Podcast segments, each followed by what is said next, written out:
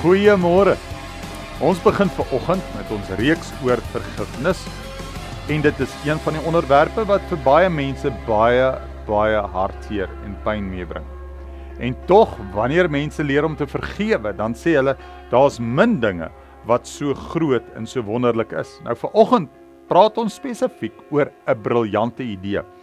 Nou hoor hoe mooi word dit hier gestel. Daar word gesê Dit is 'n seldsame geleentheid wanneer jy die voorreg het om 'n vraag te vra en 'n lewensveranderende antwoord te ontvang. 'n Antwoord so briljant en kragtig dat dit jou verhoudings met jouself, met ander en met God impakteer.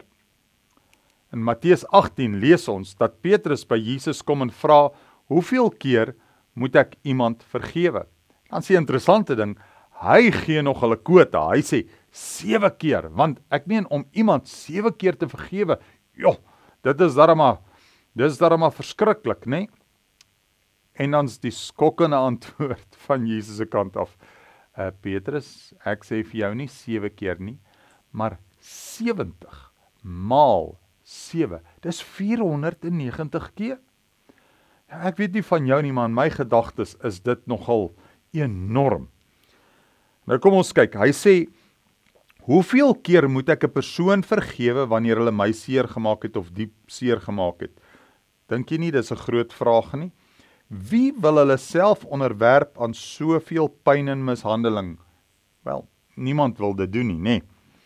Nou, dit is die rede hoekom Petrus in dieselfde asem vir Jesus hierdie kwota gee, want hy was heelmoetlik ook maar op 'n plek waar hy voel genigtig. Hoeveel keer moet ek mense vergewe want dit voel vir my dit hou net aan en dit hou net aan.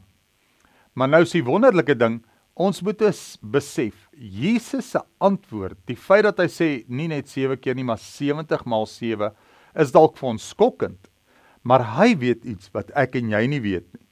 En dis hoekom ons hieroor gaan praat vir die volgende 'n eh, paar weke sodat ons kan uitklaar hoekom dit vir God so belangrik. Jy sien dis 'n nuwe manier van lewe.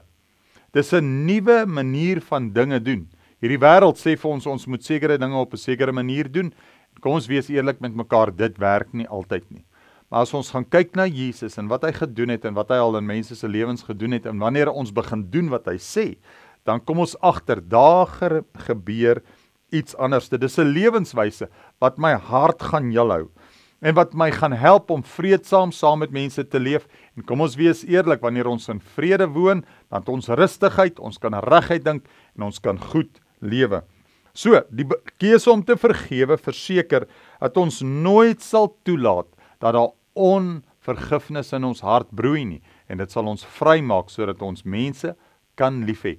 Kom ons volg God se briljante idee om te vergewe. Ek bid vir jou dat jy aan die Here sal vashou en dat hy jou sal help met vergifnis. Mooi dag verder.